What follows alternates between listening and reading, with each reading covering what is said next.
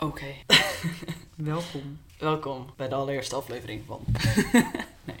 Is zo'n intro muziekje eigenlijk. Ja, dat gaan we nog wel even uitzoeken. Ehm, het is misschien wel handig als jij ook wat dichterbij komt zitten voor de microfoon Ja, maar ik praat over het algemeen wat harder dan jou. Ik heb een veld. dan jij. Begint die terminatie nu al. Ja.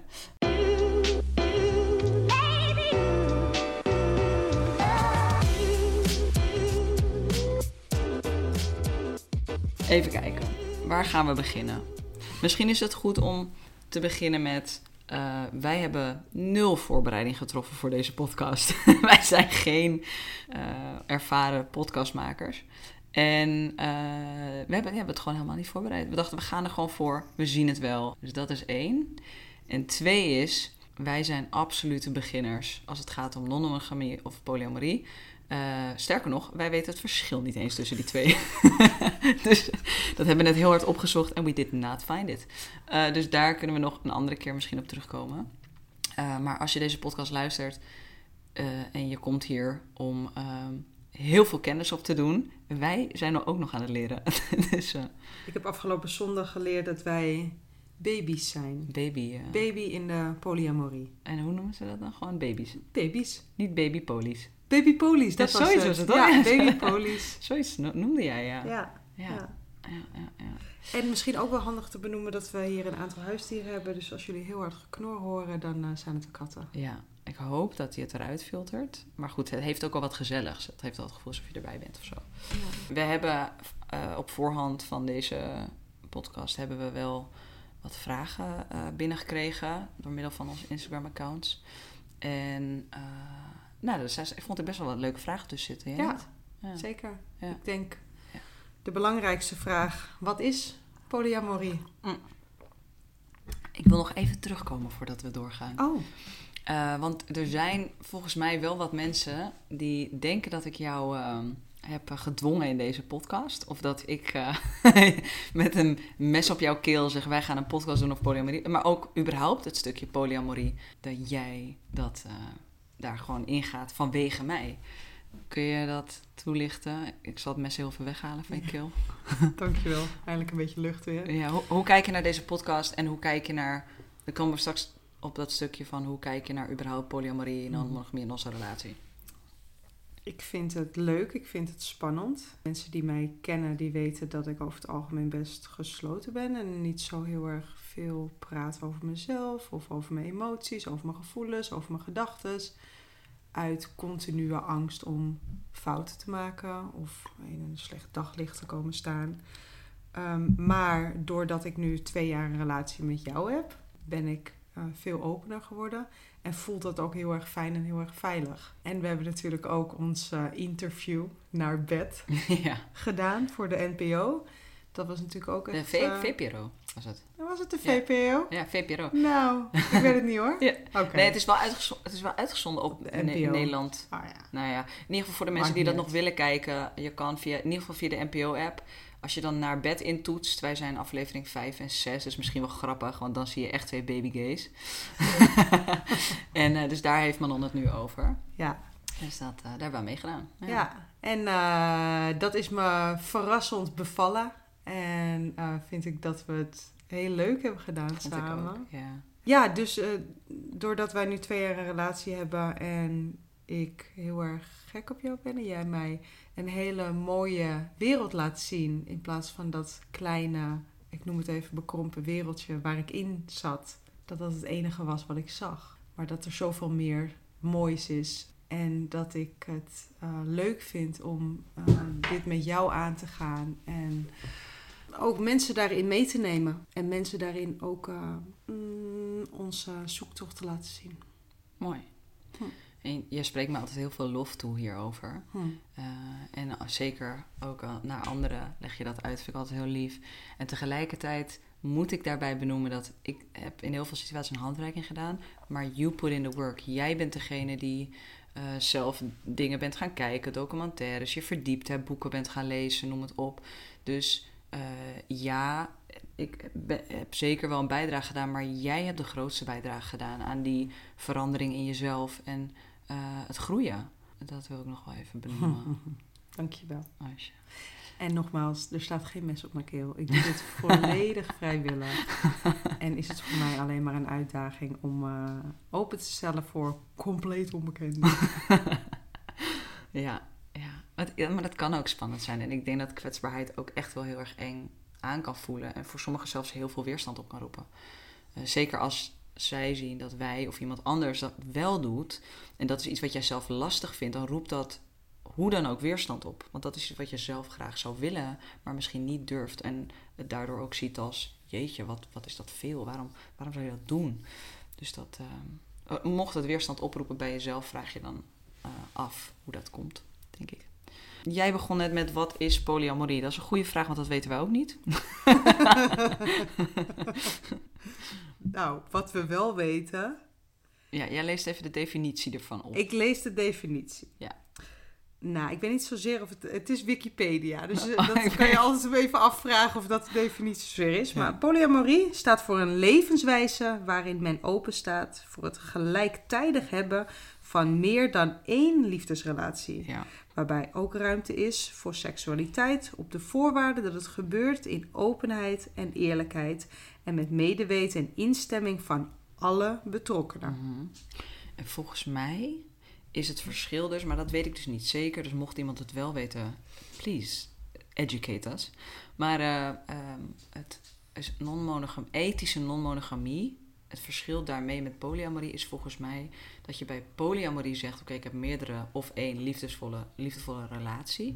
En ethische non-monogamie kan ook inhouden dat je misschien alleen seks hebt buiten je relatie, maar dat je er niet voor kiest om een relatie aan te gaan nog buiten die relatie. Dus dat het eigenlijk alle vormen omvat van wat voor type band jij aan wil gaan. Of dat nou een vriendschap is waar je misschien ook seks mee hebt. Of Mhm. een, nou ja, volgens mij is dat veel Maar breder. dan lijkt het dus overkoepelend.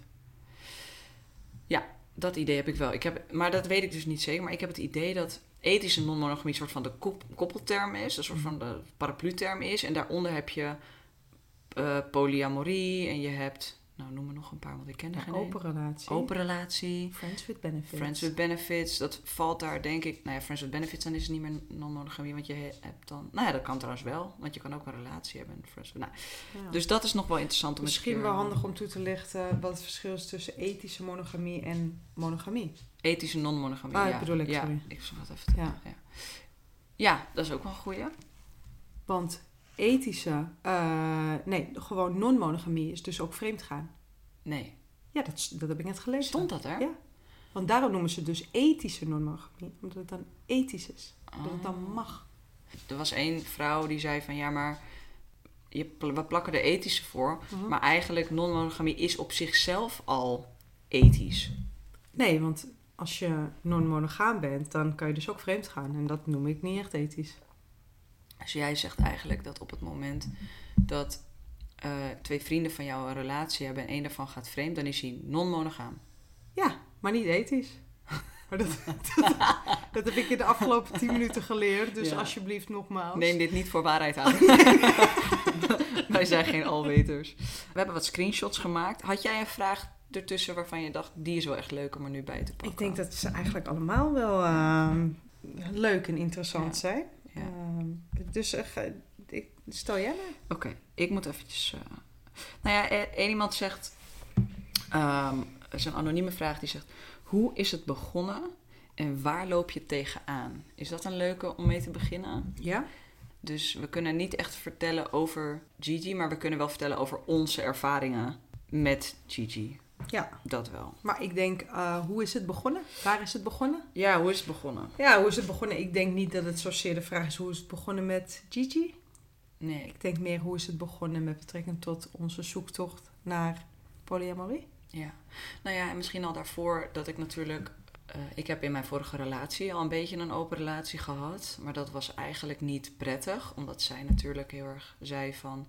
Ja, ik ben niks waard, dus eh, ga maar gewoon met anderen. Nou, dat heb ik nooit gedaan, want ik voelde niet goed. Maar ik heb wel altijd die wens gehad om een, een, een soort, ja, een polyrelatie te hebben. Dus toen ik net met jou was, toen zei ik ook tegen jou van... Dit is wel iets wat ik graag zou willen. Ja. Ehm, en voor mij wel een voorwaarde dat je er in ieder geval voor open staat. Niet zozeer dat je nu al instemt, maar dat je ervoor open staat. Ja. En volgens mij zei jij toen van, nou, ik weet niet helemaal wat het is of wat het inhoudt, maar ik ben wel open ervoor eh, van wat je me nu vertelt. Toch? Ja, ja ik... eh, Hoe herinner jij je dat? Nou, dat ik ben mijn hele leven heel erg monogaam eigenlijk. Mhm. En eh, op het moment dat een vriendin van mij zei... ja, mensen zijn eigenlijk niet gemaakt om monogaam te zijn... dan dat klonk echt als bullshit in mijn oren eigenlijk. Mhm. Maar naarmate ik meerdere relaties... eh, niet tegelijk, maar meerdere relaties had gehad... ehm, eh, merkte ik eigenlijk ook wel dat het gewoon... Ja, er, er lopen zoveel mooie mensen op de wereld. Mhm. En waarom zou je je dan beperken tot één? Mhm. Ehm, ik wil voor altijd bij jou blijven. Maar eh, de buurvrouw is ook heel knap. bij wijze van spreken. Ja. Ehm, dus toen jij daarmee kwam, toen vond ik dat wel heel erg spannend. Want het is niet iets wat ik ooit heb gedaan. En ehm, best wel onzeker kan zijn over mezelf. En dus heel erg de angst heb dat jij eh, me zou verlaten. ja. Dat heb je op dat moment ook gevoeld? Ehm, nou, op dat moment zaten we net in het begin van onze relatie. Dus We ik hadden denk, niet eens een relatie, we waren ja, aan het daten. Ja, dat denk ik ja. ook inderdaad. Ja. Dus het was eh, voor mij heel erg duidelijk van dit is wel de weg waar jij heen wil. En het was voor mij toen al een keuze. Oké, ik weet 100% zeker dat ik dit niet ga trekken. Ik ga er vandoor. Of, hé, hey, ik weet niet of ik het ga trekken. Maar ik wil het wel proberen aan te gaan. Want Ja. ik denk wel dat het gewoon iets heel moois kan opleveren. Ja, ja, ja.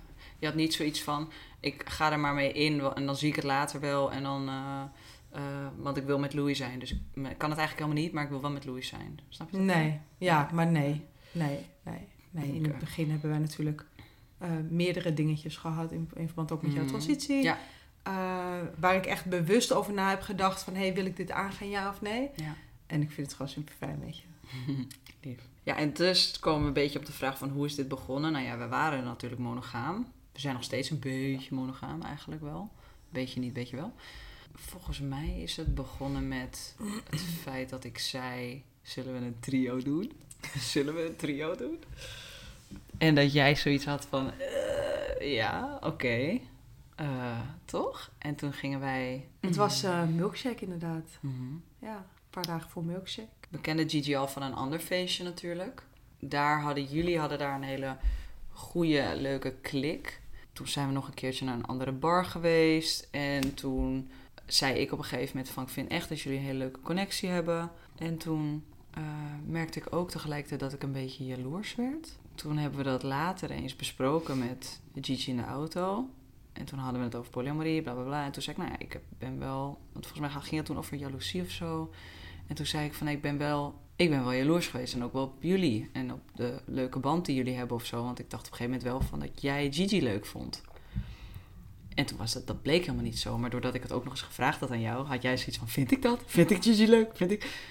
Ja, dat was Eh, natuurlijk helemaal tijdens het eerste helemaal het eerste feestje, ja. En toen zijn we, nou dat was uitgesproken, dat was klaar. Want in de loop van de tijd dat we Ja. Gigi vaker zagen, natuurlijk. Ja, en toen gingen we naar, toen gingen we naar Milkshake. En toen hadden wij bedacht, wij willen een trio met Gigi. oh, met Gigi. Gigi is, Gigi is trouwens een fictieve naam. En Gigi heeft die naam zelf bedacht. En het, nou, we gaan niet zeggen wat het betekent. Maar Gigi wist van niks. Nee, Gigi wist van niks. Maar volgens mij had ze wel een beetje een vermoeden, geloof ik. Nou, in het begin niet hoor. nee? Nee. Oh. Nou ja, wij waren dus daar en We zijn gewoon de hele dag een beetje Om haar heen gaan haar hangen, heen hè? gaan hangen. Ja. En een beetje opmerkingen maken, grapjes maken. Het is best wel intimiderend als een stel dat doet, denk ik. Ik zou het best wel heftig vinden, maar goed. Ja, Wij we deden geen dingen zonder consent of zo. We gingen niet aan er zitten. Nee, nee, nee, nee, We nee. gingen gewoon een beetje Nee. schunnige opmerkingen maken. Ja, Die ze niet, uiteindelijk niet eens had gevat. nee.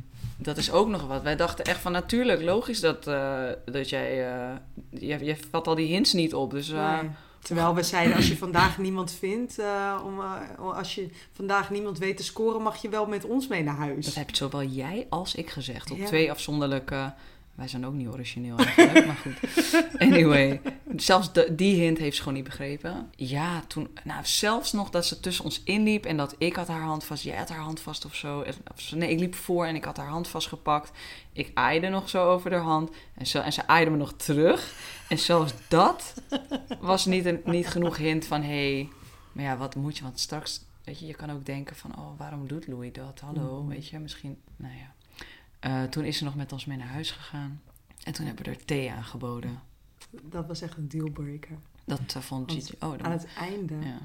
had Gigi wel een beetje in de gaten toen we hier binnen zaten. Dat, dat we wat van plan waren. En Ja. vervolgens zeiden wij, wil je een bakje thee in plaats van een biertje? Want we wilden niet dat ze ja. nog dronkerder zou worden dan dat ze al was. Nee, wel, nee, precies. Want dat vind ik wel, dat vind ik wel. Ik, ik zou niet met iemand kunnen gaan die echt helemaal lamlendig is. En we hadden Ja. allemaal wel wat gedronken, maar je Ja. wil natuurlijk niet dat iemand helemaal Dat- lam in je bed ligt en de volgende dag denk je, jezus, wat, Wat heb ik dit gedaan? nou weer? Ja. Nou ja, en uiteindelijk, een, dag, twee dagen later, nou ja, Gigi, had Gigi zichzelf uitgenodigd of heeft, hebben wij Gigi uitgenodigd? Voor die voetbalwedstrijd kijken. Ik haat voetbal, maar goed. Ik denk dat wij hebben uitgenodigd, want Gigi had eigenlijk al een afspraak staan. Oh ja, En die is daarna gekomen. Letterlijk en figuurlijk. nee. Nee, helemaal. Grapje. Ik moest hem even maken. Ehm, ja, en toen eh, ging het er... eh, eh, ik, ik ben heel erg aan het zoeken van tot waar kan ik vertellen Mhm. bij Jim, over Toen Gigi hebben we, een, we hebben een hele leuke avond gehad. Ja, en er is meer gebeurd. En er is meer gebeurd. ja, En vanaf daar is het eigenlijk is het niet bij één keer gebleven. nee. En- Misschien is het goed als... Misschien wil Gigi ooit wel meedoen aan een podcastafleveringje. En dan kan ze dit zelf vertellen vanuit haar perspectief. En misschien met wat meer details of niet. Mhm. Als ze denkt, dat wil ik niet. Dus dat, eh, we houden hem even tot hier. Want het zijn natuurlijk wel hele leuke juicy details eigenlijk. Maar goed, is misschien beter van niet. We zijn natuurlijk met Gigi aan het daten. Mhm. En eh, nou ja, aan het daten, daten. Ja, we zijn aan het daten. Ja. Eh, maar we daten niet naar een relatie toe. Het gaat ook geen relatie worden, want wij willen dat niet. Maar Gigi wil dat ook absoluut niet. En Gigi is heel erg gehecht aan de vrijheid en aan de onafhankelijkheid. En die vindt het heel belangrijk, logisch. Eh, en die vindt het gewoon leuk zoals het is. En daarnaast hebben wij wel interesse om polyamorie, non-monogamie, zeg maar, ethische non-monogamie, te, te ontdekken en te experimenteren. En we zijn dat wel in kleine stapjes aan het doen. De vraag is, wat zijn punten waar je beide tegenaan loopt dat je nog lastig kan vinden? Hmm. Nou ja, jaloezie natuurlijk. Dat zijn lastige dingen, maar ook wel... Maar wanneer word je jaloers? Het pakt me echt op het moment dat ik me buitengesloten voel. Of Mhm. dat... Kijk, jaloezie is natuurlijk... Jaloezie is eigenlijk een gevoel dat iets zegt over een onderliggende emotie. Ik weet niet of ik het goed uitleg zo, maar... Jaloezie is eigenlijk meer het symptoom. Dus je wordt jaloers omdat er daaronderliggend iets gebeurt in je lijf. Of in je hoofd of whatever. Wat er wel eens kan gebeuren is dat, ik zeg maar wat, jij en Gigi heel erg aan het knuffelen zijn. En dat je mij niet aanraakt. Niet eens bewust of expres. Of ik registreer die aanraking niet eens omdat ik zo bezig ben in mijn hoofd. En dat ik dan denk, nou je... Het begint meestal met de gedachte, oh je raakt Gigi wel heel veel aan. Je raakt mij eigenlijk helemaal niet aan. Dan voel ik me buitengesloten en vervolgens word ik jaloers. En dan komt er boosheid, verdriet en al die emoties. Dus jaloezie is meer zo van, yo, er is wat aan de hand. Ga even bij jezelf checken wat er aan de hand is. Mhm. Een soort guidance of zo. Een soort, nee, niet guidance, maar ik zoek een ander woord. Een, ehm, Een signaal. het, is, het is een signaal Ja. eigenlijk dat er iets, eh, ja. Maar vervolgens benoem je dus, eh, dan word je angstig, boos. Ik voel me buitengesloten. En, je Mhm. wordt, eh, en, en doordat ik, ja, daardoor word ik angstig en boos. Want ik ben bang, doordat ik buitengesloten word, dat jij mij gaat verlaten voor Gigi of voor iemand anders of wat dan ook. Maar Ja. is het dan, eh, want dat vraag ik me soms wel eens af. In situaties ben ik jaloers op jou. Mhm. In situaties ben ik jaloers op haar. Ja. ja, soms wisselt En dat inderdaad. Ik denk dat ik in het begin voornamelijk heel erg jaloers was op jou. Oh ja. Omdat ik graag met Gigi wilde zijn. Ja, ja, dat had en nu switcht dat een beetje heen en weer, de jaloezie. Ja, Ehm, maar het blijft dat het enige wat het eigenlijk is, is gewoon, in ieder geval vanuit mijn perspectief, is de onzekerheid Mhm. en de angst om jou kwijt te raken. Mhm. Of het kwijt te raken wat er nu met z'n drieën is. Ook al Ja. geven we daar geen naam aan. Er is wel natuurlijk iets. Ja, we hebben het heel even Scharrel Plus pakket genoemd, maar dat mogen we niet meer zo noemen van Gigi. Dus, eh, ehm, ja, het is onzekerheid, het is angst, het is... En het kan ook wel verschillen, want ik heb wel het idee dat als, eh, als een van onze drieën ongesteld is, eh, dat het dan de week daarvoor, dat je dan eigenlijk nog meer in die onzekerheid zit, eh, waardoor je veel sneller jaloers bent. Ja, dus het doet ook wel iets met je hormonen, zeg ja. maar. Ja. Klopt, ja. Ik denk dus als je... Want ik was een, een periode aan het hardlopen. Nu even niet hoor, jongens. Ehm, en dan zit ik toch lekkerder in mijn vel. Ja, En dan eh, ben ik toch zekerder. ja. Dus op het moment dat er iets gaande is, of het nou maandelijks dingetje is. Mhm. Of je hebt het gigantisch druk op je werk waardoor je niet lekker zit. Of Ja, een vriend zegt iets tegen je wat niet leuk is. Dan schiet je toch snel in, eh, in emotie. ja, klopt. En dat resulteert in dat, die jaloezie of die onzekerheid. Ja. Is, was dit ook jouw antwoord geweest? Want ik, be- ik beantwoordde natuurlijk als, in eerste instantie met, eh, met eh, jaloezie. Ja, ja, nee, ik denk dus eh punten waar je beide tegenaan loopt, dat je lastig vinden, is het, het stukje buitengesloten worden als Ja. we het hebben over de trouble situation. Ja. Maar op het moment dat we het zouden hebben over een, een eh, polyamorie relatie, dus dat we Mhm. beide met anderen aan het daten zijn, Mhm. dan denk ik dat ik, kijk, Louis die heeft een, een, een iets wat grotere sociale kring dan dat ik heb. Mhm. Uh, waardoor bij wijze van spreken Louis uh, 50 koffiedates in een week kan plannen, waarin ik er één plan. Uh, dat ligt ook aan mijn initiatief om er iets aan te doen, mijn wil om er iets aan te doen, zin, of ik er zin in heb. Jij bent daarin wat makkelijker. Maar anderzijds weet ik dat ik zo ben en dat is ook goed. Maar als jij er dan 50 in een week hebt, dan raak ik daar wel een beetje dan voelt het uit balans. Maar ja, moet er balans zijn, want dan ben je weer aan het weegschalen. Ja, ja. Dat, dat is voor mij ook een punt waar ik tegenaan zou kunnen lopen. Dat jij uiteindelijk misschien over drie jaar uh, zes partners hebt ja. en dat ik er één heb. En uh, dat Ja. maakt helemaal niet uit, want als ik gelukkig ben met die één, dan is dat prima. Maar toch ergens kijk ik naar jou en ben ik het aan het afwegen. En denk ik, oh, jij hebt er zes. Ik heb er Ja. één. Terwijl ik er misschien wel helemaal geen zes wil. Spaar ze allemaal. Ja. ja, ik vind het wel heel mooi en kwetsbaar dat je dit deelt. Want eh, ik weet dat het iets is waar je onzeker over bent. Mhm. Eh, dus ik vind het eigenlijk wel heel stoer dat je dit deelt trouwens. Ehm, en ik denk dat ik het andersom ook zou hebben hoor. Als jij eh, er met vier, vijf zou zijn en ik ben eigenlijk ja, sociaal nou ja, iets minder bezig met dat soort dingen. Want het is niet dat je niet kan. Jij kan het prima, maar je vindt het lastig. En, eh, maar stel dat het, dat het andersom zou zijn, zou ik hetzelfde hebben. Dan zou ik het toch op een weegschaaltje leggen en denken, eh, ja, wat, maar misschien is dat ook daaronder het onderliggende van wat zegt dat over mij of zo? Ja, misschien wel. Ja, wat zegt het over mij? Vinden mensen me dan niet leuk? Dat Ja. ze, of Kan ik minder mensen regelen, de zaakjes regelen even? zoiets. Terwijl ik er eigenlijk Mhm. helemaal geen behoefte aan had. Want er Ja. is nog een vraag die hier eigenlijk wel mooi op aansluit. Mhm. Oh ja, Ja? komt ie. Ik vraag me af of je echt verliefd kan zijn op twee personen tegelijk. Hmm. Hoe zit dat bij jullie? Mm. Tot op heden denk ik inderdaad dat het lastig is om echt verliefd te zijn op twee personen tegelijk. Ja? Ja, want ehm, hier hebben wij wel gesprekken over Ja. gehad. Mhm. Eh, met betrekking tot Gigi. Mhm. Eh, de- waarom zij geeft aan niet verliefd te zijn op ons. Ja. Is daar, is daar een reden voor? Zou zij wel verliefd zijn op een van ons als ze Mhm. met één iemand zou daten? Mm. En datzelfde geldt als ik vanuit mezelf kijk. Ik ben stapel verliefd op jou. Mhm. Ik vind Gigi echt heel erg leuk. En ik kan echt wel gezonde kriebeltjes krijgen en blij worden. Maar het is niet die, ik kan niet eten, ik denk alleen maar aan je Ja. verliefdheid. Terwijl misschien als ik jou niet zou kennen Mhm. en alleen met Gigi zou zijn, dat ik wel verliefd op haar zou kunnen worden. Dus Ja, maar dan is nog de vraag: wanneer ben je verliefd? Wat definieert verliefdheid? Ja. Want jij noemt nu verliefdheid. Ik kan niet eten, ik kan niet slapen. Ik vind dat obsessie. Want ik weet niet, er is zo'n boek van Eckhart Tolle en die, dat gaat over bezit en over, eh, nee, niet bezit, maar meer over hechting. En dat je dus, op het moment dat je hecht aan iemand, wij noemen dat gevoelens van verliefdheid, terwijl Eckhart Tolle zegt nee, dat is hechting. Mhm. En ehm, ehm, ja, ik weet even niet meer hoe die dat nou precies benoemt, maar ehm, op het moment dat je ergens aan gehecht bent, dan krijg je dus die gevoelens van ik wil jou nu hier. Je kan het bijna niet loslaten zo. Dus dat is ja, eigenlijk ongezond. eigenlijk ongezond. Wel zoals Eckhart Tolle het beschrijft wel. Ja. Die zegt wat is prima, doe wat je wil, maar ja, verliefde, verliefdheid. We leren natuurlijk in films dat dat verliefdheid is. De meeste van ons die ervaren dat ook wel een keer in hun leven. Maar wat is verliefdheid? Ja. Ja.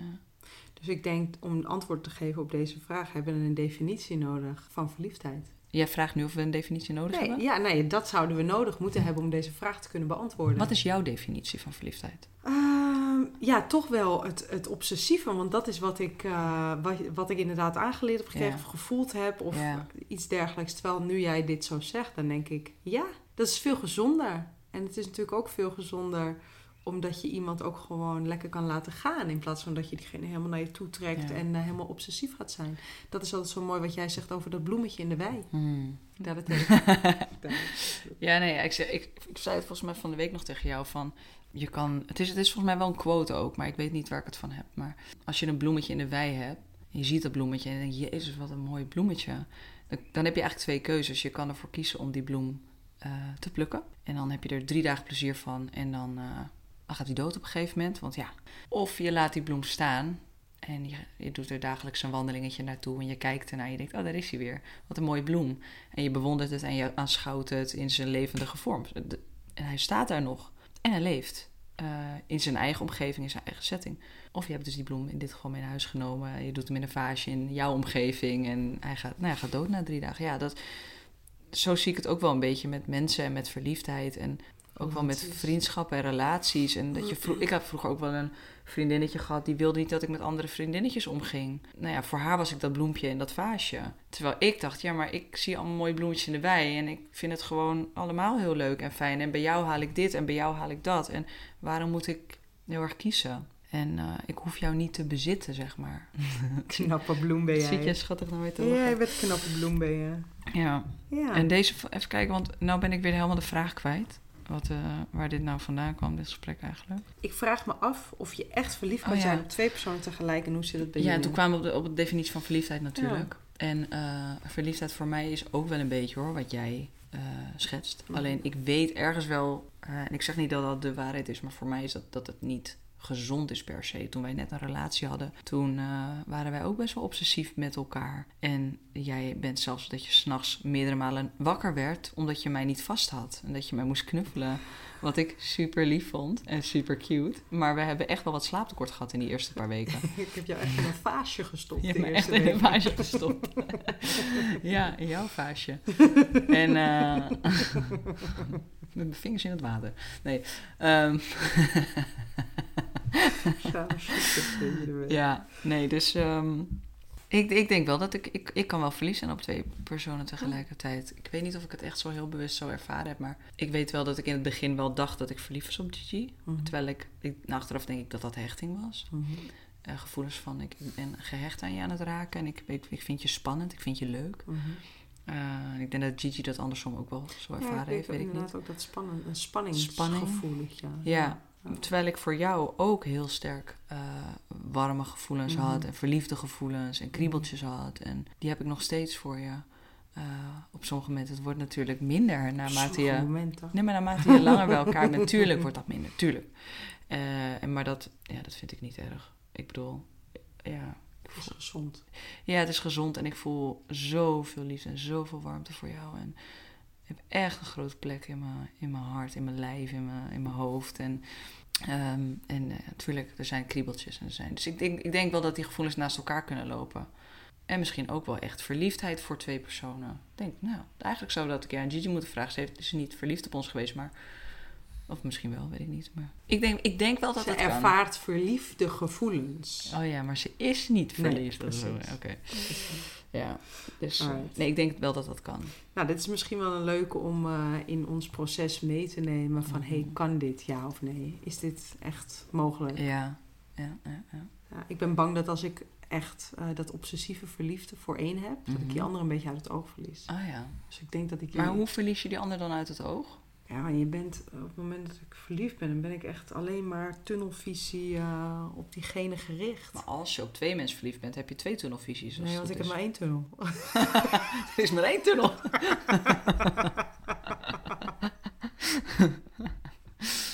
oh, oh, oh.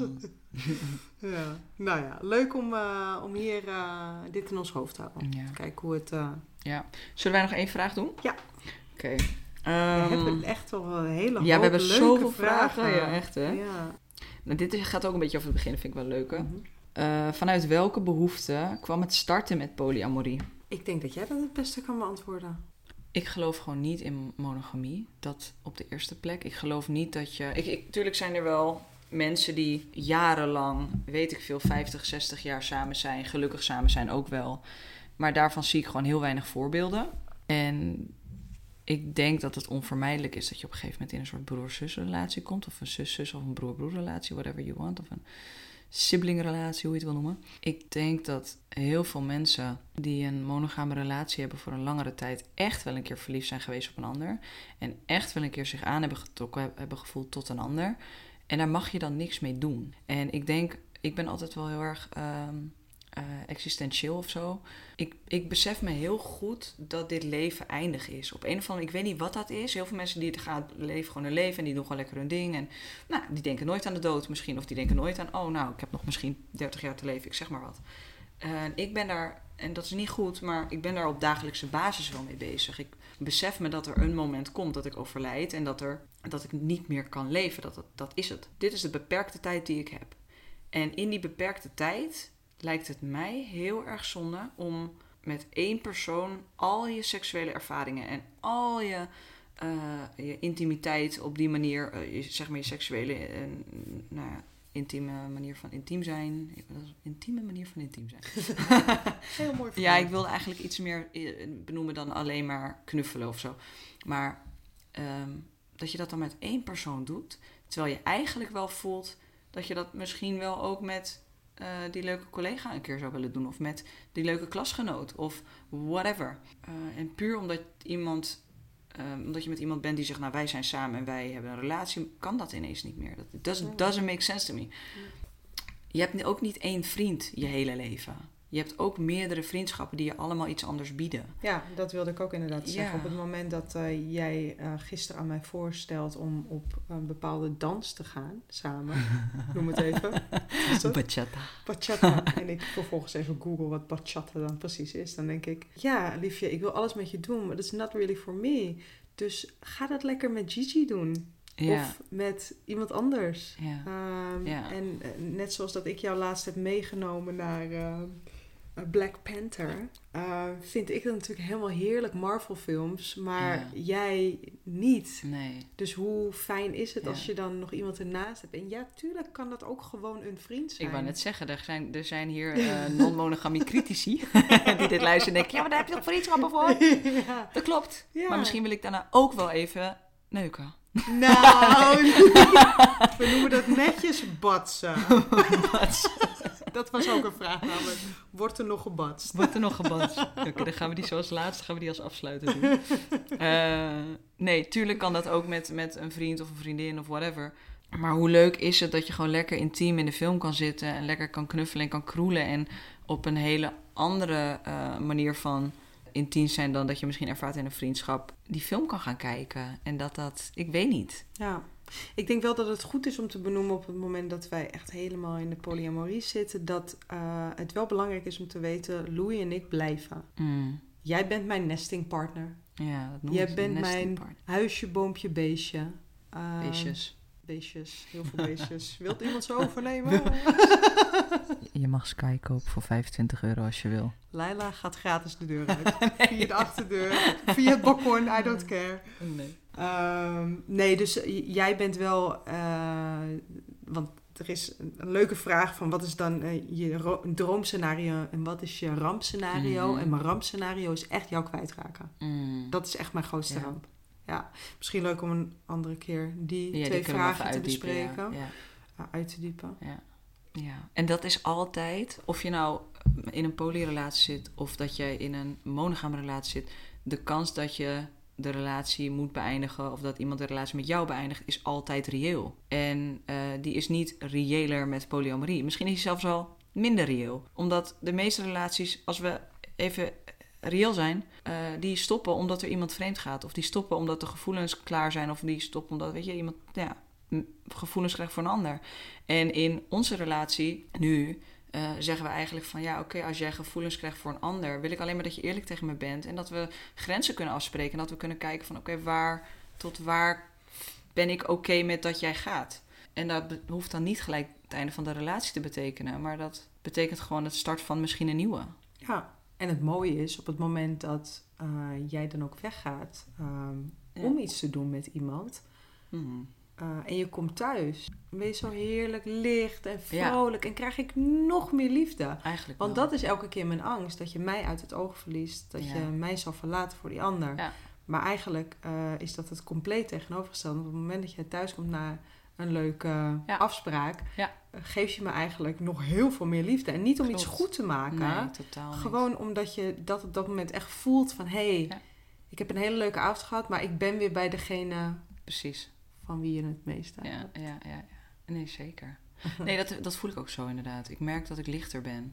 Ik merk dat ik, nou, gisteravond bijvoorbeeld. Ik was heel, ik was heel vrolijk en ik was heel, en er was niks gebeurd of zo. Het was niet eens een date of wat dan ook. Het was gewoon, ik heb gezellig ergens eh, een drankje gedaan. En ik kom thuis en ik denk, ik ga lekker koken. En ik ga lekker dit doen. En ik heb lekker een cocktailtje. En ik was helemaal blij. En, ehm nou, eh, voor jou was dat wel even lastig. Dat ik weg was en niet bij jou wilde zijn direct naar werk. Maar uiteindelijk hebben we het heel fijn gehad. Heel fijn, ja. Ja. En die gevoelens eh, zijn zwaar en lastig en veel. En iets waar je het Mhm. liefst voor zou wegrennen. Mhm. Want dat is waarom heel veel mensen, denk ik, eh, deze kant niet op willen gaan. Omdat het gewoon, het is niet makkelijk. Nee. Ik, eh, Als je een makkelijke weg wil, dan, moet dan je, is, dan moet is je vreemd gaan. Dan moet je vreemd gaan. Ja, dan, dat dit is, niet. want dat, ik zat laatst een Ja. documentaire te kijken en toen zeiden ze ook vreemd gaan is makkelijker Dat denk ik dan wel, een ja. polyamorie relatie. Ja. Ja. Dat ligt er dan weer aan of, ook of je autistisch bent. Want dan kan je weer niet liegen, zoals ik. Ja, nou, sommige autisten kunnen wel liegen hoor trouwens. Maar Oh, ik lieg is niet mijn ding. Dus dat zou voor mij moeilijker zijn. Maar goed, het is zeker niet makkelijk. Hey, jij had nog even met oog op de tijd. Want jij had nog één vraag. Ehm, had ik nog even. Had je... Nou ja, misschien wel. Eh, dit is denk ik wel een leuke. Geloven jullie dat het kan gaan lukken? Ik vind dat als dit lukt, want je kan nooit ergens gegarandeerd op zeggen of het wel of niet lukt, maar Mhm. als dit lukt, dan ben je toch vrij. Mhm. Dat is toch de ultieme vrijheid. Dan ben je dus blijkbaar niet onzeker. Je bent niet angstig om in dit geval jou te verliezen. Mhm. Uh, ultieme vrijheid om met je partner uh, of partners Mhm. te doen waar jij je goed bij voelt. En waar jij zin in hebt. Eens. Mhm. En dat lijkt me zo'n stap in je ontwikkeling.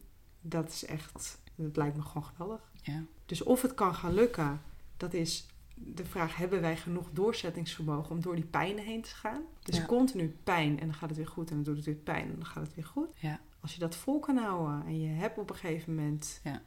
Die vrijheid. Ik bedoel, ik denk niet dat je 100% vrij kan zijn van jaloezie, maar Nee. stel dat je het al 90% kan of 80%, Ja. dan heb je toch al het Ja. ultieme gevoel van vrijheid. Ik vind dat het nu al lukt. Jij hebt het over van of het gaat lukken, want dat is ook de vraagstelling. Mhm. En ik heb het gevoel dat het al gelukt is. Ik heb het gevoel dat wij, nou ja, om, om je een voorbeeld te geven met Gigi natuurlijk.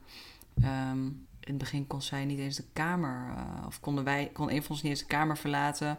En dan was de afspraak niet met elkaar zoenen. Als ik terug ben, mag er weer gezoend worden, bij wijze van. Want we, we, moesten, we hebben echt alles in babystapjes gedaan. En, eh, en nu ga ik zelfs van huis weg. Ga ik even de hond wegbrengen of zo. En liggen jullie lekker bij wijze van in bed even te kroelen of op de bank te chillen met z'n tweeën jullie zoenen. En tuurlijk zijn er, er zijn afspraken. Eh, zo is seks nog een drempel bijvoorbeeld. Maar nou ben ik een tijdje geleden natuurlijk ook, heb ik een slaapdienst gehad. En toen heb, eh, heeft zij hier geslapen.